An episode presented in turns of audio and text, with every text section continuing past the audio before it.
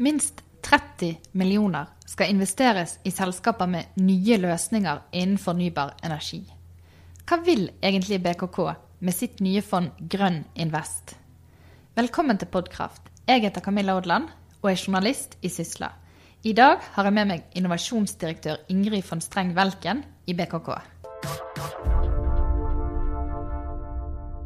Hvorfor har BKK opprettet Grønn Invest? Det har vi rett og slett gjort. For jeg tror vi som alle andre bransjer står på et sted der vi ser for oss at det kommer store endringer. Eh, og veldig mange av de endringene tror jeg kommer til å gå vel så fort utenfor BKK som innenfor BKK. Eh, så Grønn Invest er et investeringsselskap både for å bli kjent med nye ideer, nye oppstartsselskap som lager forretningsmodeller tenderer mot det vi driver med, men kanskje har andre nye tanker eh, og måter å sette opp forretning på. Ja, hva skal Grønn Invest gjøre? Det er et investeringsselskap. Vi skal lete etter de gode ideene som kan gjøre en forskjell innenfor fornybar energi. Eh, vi ønsker å investere i selskap som vi tenker har et virkelig potensial til å gjøre en forskjell. Enten som kan bli en del av BKK på sikt, Eh, eller som kan videreutvikle BKK og lage en selvstendig forretning eh, som også kan bli et selskap der vi selger oss ut på sikt. Eh, og da er det 30 millioner som er satt av til dette. Hvor kommer de pengene fra? Vi har vært i styret vårt eh, og bedt om en ramme på 30 millioner som vi kan bruke til investeringer. Eh, det, det, er en eh, del av pengene BKK kan bruke. Eh, akkurat som at vi også kan investere i eh, andre fornybare kilder, som kjernevirksomheten vår, vannkraft og nett. Eh, og litt av tanken vår er at 30 millioner det er BKKs midler inn i det. Men vi ønsker å sørge for at vi kan skape grønn verdiskapning for mye mer enn 30 millioner. Så det er en av grunnene til at vi jobber mye sammen med andre investormiljøer for å sørge for at vi får mer, eller mest mulig ut av de 30 millionene. Og dette her, det lanserte dere tidligere i vinter. Hvordan har responsen vært etterpå? Så det, har vært noe, det her er noe av det gøyeste jeg har vært med på. Eh, vi lanserte Grønn Invest i slutten av januar, så nå har vi vært live i fem måneder. Eh, på den tiden så har vi fått over 40 henvendelser fra gründerselskap, eh, ulike form for eh, oppstartsmiljø utrolig mye spennende som pågår eh, på Vestlandet relatert til energibransjen og nye ideer. Eh, så vi har, snakket, vi har, fått nesten en ny henvendelse annenhver dag. Og, eh, og når vi etablerte Grønn Invest, så sa vi, og det høres fint ut i Powerpoint, at dette skal være en, et strategisk verktøy. Og så tenkte vi klarer vi det? Men det vi ser, det er det virkelig. Det å bli kjent med hvordan verden utenfor oss lager andre måter å selge, distribuere eller produsere energi på. Eh, er helt unikt for oss og også legger press på oss i forhold til at vi også må fornye oss. Men har dere gått inn med noen eh, investeringer så langt? Vi har, eh, vi har ikke signert noen investeringsavtaler ennå. Vi er i dialog og kanskje sluttfasen av tre stykker. Kan du si litt om hvilken type selskaper det er? De er veldig ulike. Når vi startet, så sa vi vi leter etter selskap som gjør en forskjell innenfor fornybar energi. Og så har vi noen områder. Um, vi har noe knyttet til smartnett, som er da rett og slett hvordan utvikle, effektivisere og legge til rette for et digitalt nettselskap en gang frem i tid. Uh, vi har noe i forhold til distribuert um, produksjon av energi. Lagring av energi. Og også måling, styring av energi. Og så har vi en sist, men ikke minst, det å ta kraften i bruk. Ideer som kan tilrettelegge for ny industri som baserer seg på fornybar innskudd, eh, og dermed at vi kan bruke vannkraften vår.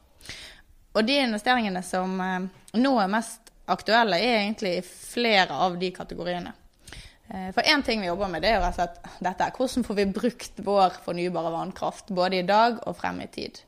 Og der ser vi som mange andre på hvorfor får vi ikke etablert en datasenterindustri i Norge. Eh, så noen av de investeringene vi ser på, det er rett og slett hva er, de store, hva er den store bøygen for Norge? Jeg tenker I tillegg til skatt- og avgiftspolitikk og en utfordring der. Så sliter vi litt med tilgang på mørk fiber, kanskje spesielt på Vestlandet. Og så sliter vi med å få de store kundene til å tenke på Vestlandet.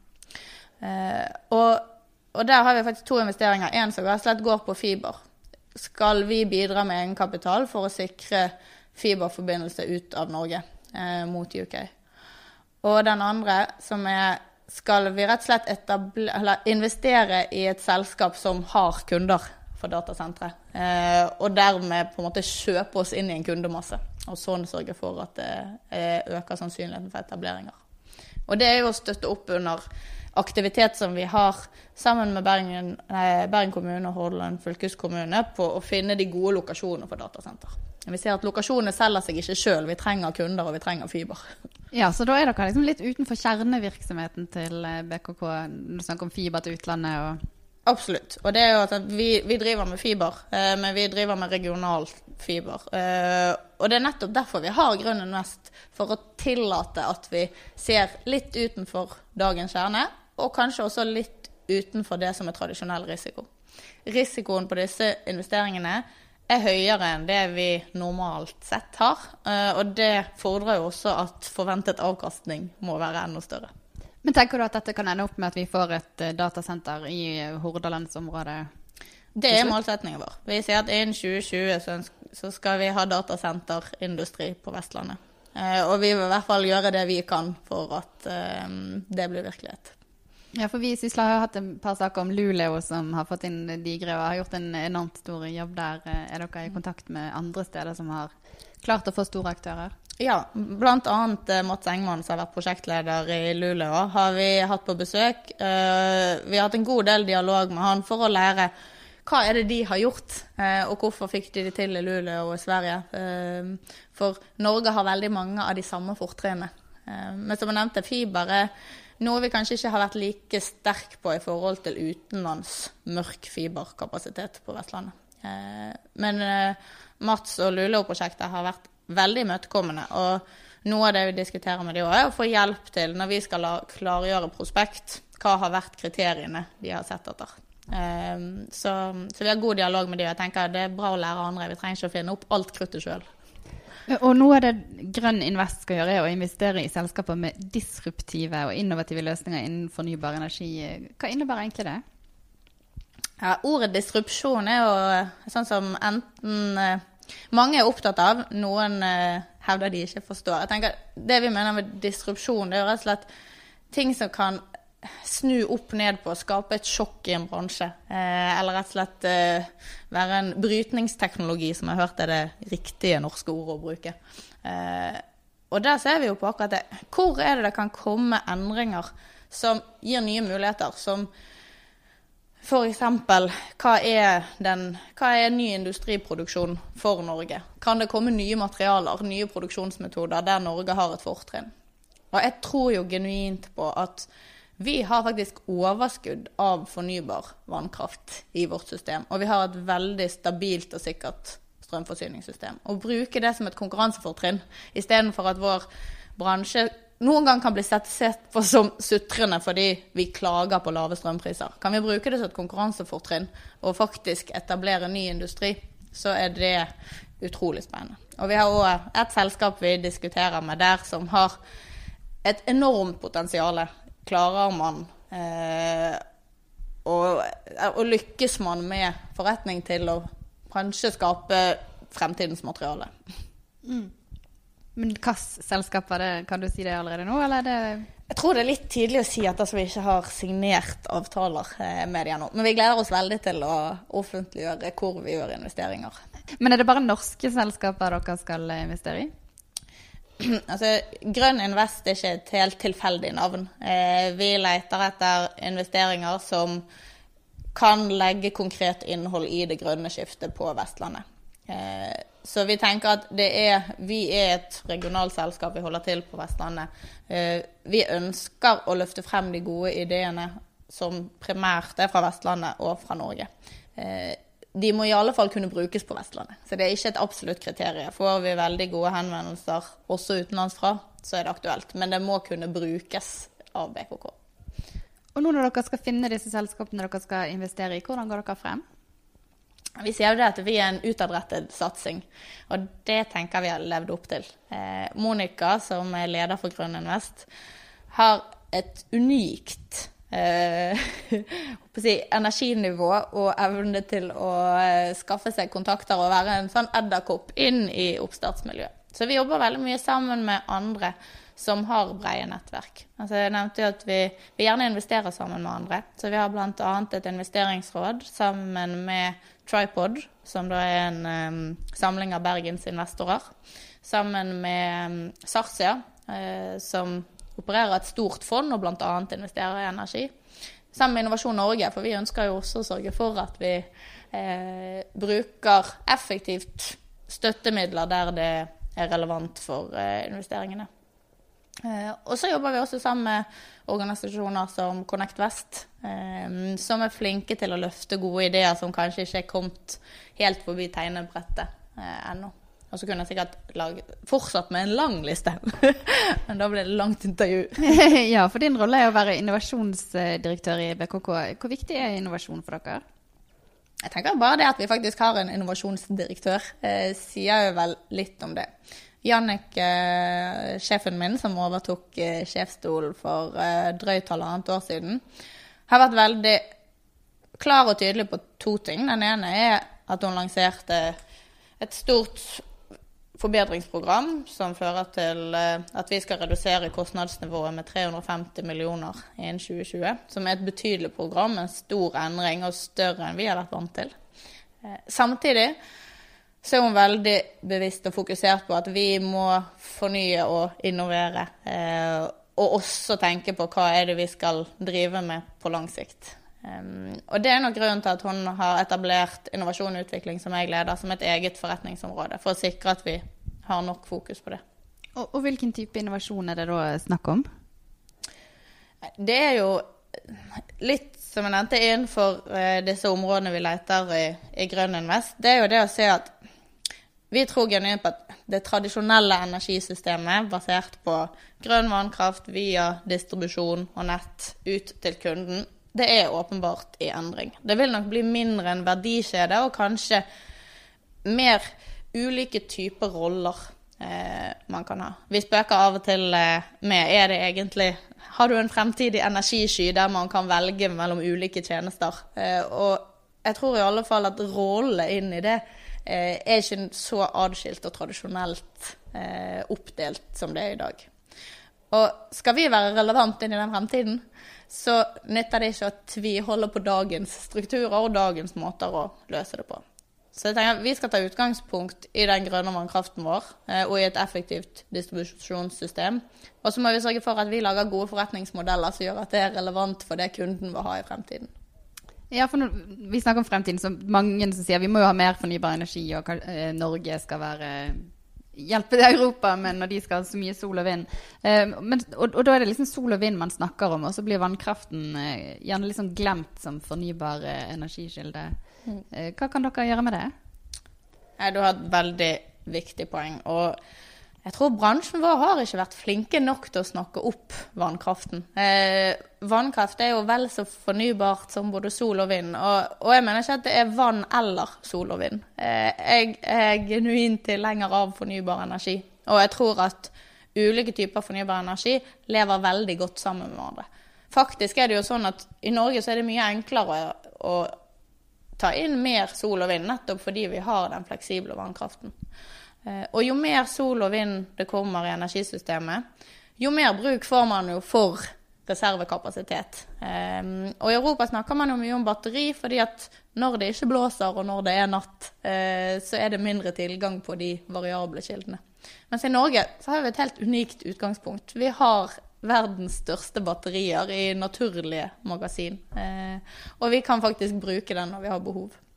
Så, og nå nevner jeg sånn, Europas batteri. Jeg skulle jo ønske at vi som nasjon ikke bare klarte å eksportere strøm eh, som produkt til Europa, men at vi brukte den fordelen til faktisk produsere fremtidens produkter og materialer i Norge. Så, så jeg har tro på at det er vel så mye å tjene på å bruke kraften lokalt som å eksportere den. Mm. Men, men gjerne begge deler. Men er det aktuelt for dere å gå inn i sol og vind på sikt? Det, det er det. Og en av grunnene til at uh, Grønn Invest er et eget selskap, det er bl.a. det vi diskuterte. Vi skal aldri la være å gå inn i en investering fordi den kan jeg, konkurrere med vår eksisterende.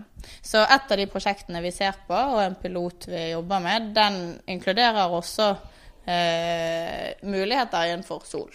Eh, så, så det, vi skal lete etter de mulighetene der vi har et konkurransefortrinn.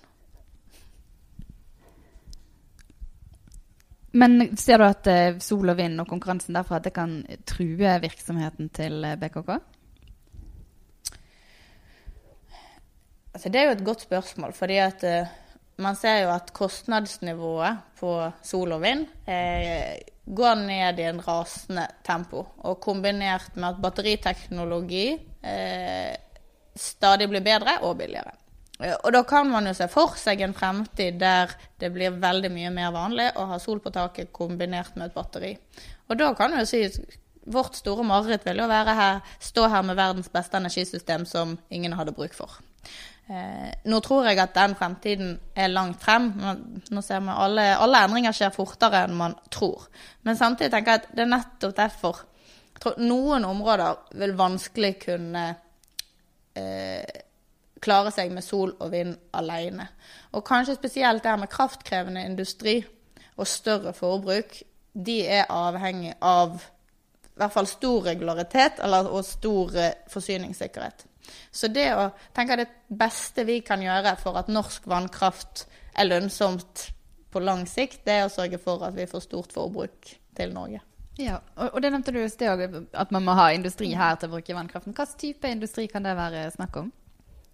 Altså, vi har jo allerede noen bedrifter, sånn som hydro- og aluminiumsproduksjon er jo åpenbart eh, et alternativ. Men datasentre er jo en ny industri i kjempevekst, eh, og det er en grunn til at vi ser på den som en stor mulighet. Eh, så har jo det også Altså, vi, vi er verdensledende på eh, elbiler og på eh, elektrifisering også etter hvert på fergestrekk.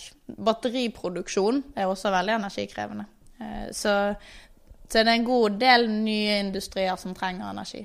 Og skal man se veldig stort på det, så kan man jo tenke all den, for Norge, all den verdiskapningen som i dag skjer i olje og gass, skal vi ha innhold i det grønne skiftet, så skal jo den over på andre eh, områder. Og den trenger også energi. Skal det ikke være fossilt, så må det være fornybart. Så, så jeg tror at det er store muligheter for fornybarbransjen, og at elektrisitet det er riktig grunnprodukt. Mm. Du nevnte i sted at dere kan, blir beskyldt for å fremstå som litt sytrete og klage på lave strømpriser. Eh, og bl.a. din sjef eh, Jannike Hilland har jo spådd kraftoverskudd og lave strømpriser fremover. Eh, hva gjør dere for å møte det? Vi, og jeg tror du har rett, vi tror at strømprisene kommer til å fortsette å være lave. Og nettopp derfor så er jo det viktig at vi er konkurransedyktige og har riktig kostnadsnivå. Det er nok en av grunnene til at vi har det store forbedringsprogrammet vårt, eh, som også ser på å redusere kost. Og der pågår det mange ulike initiativ. Én ting som vi har vært opptatt av, som kanskje alle andre, det er jo hvordan bruker man teknologi og digitalisering eh, for å effektivisere vårt selskap. Så vi har hatt et stort digitaliseringsprosjekt på tvers av hele konsernet det siste året, som har på en måte plukket ut åtte hovedområder for hvor vi skal fokusere. Eh, og vi har noen måte, kjerneprosjekter for å ta oss nærmere det. For, for, oss, det, for oss som alle andre, veldig mange av dagens oppgaver vil kunne erstattes eller justeres ved bruk av ny teknologi. Så jeg tror nok at fremtidens kraftverk de de er mer eller mindre selvgående. De er mindre avhengig av fysisk besøk for å, um, for å kontrollere dem. Uh, og så tror jeg vi må være enda flinkere på å sikre at vi bruker menneskelige ressurser der menneskene er unike. Og det kommer til å fortsette å være mange områder der vi er unike, men vi må bruke, vi må bruke oss rett.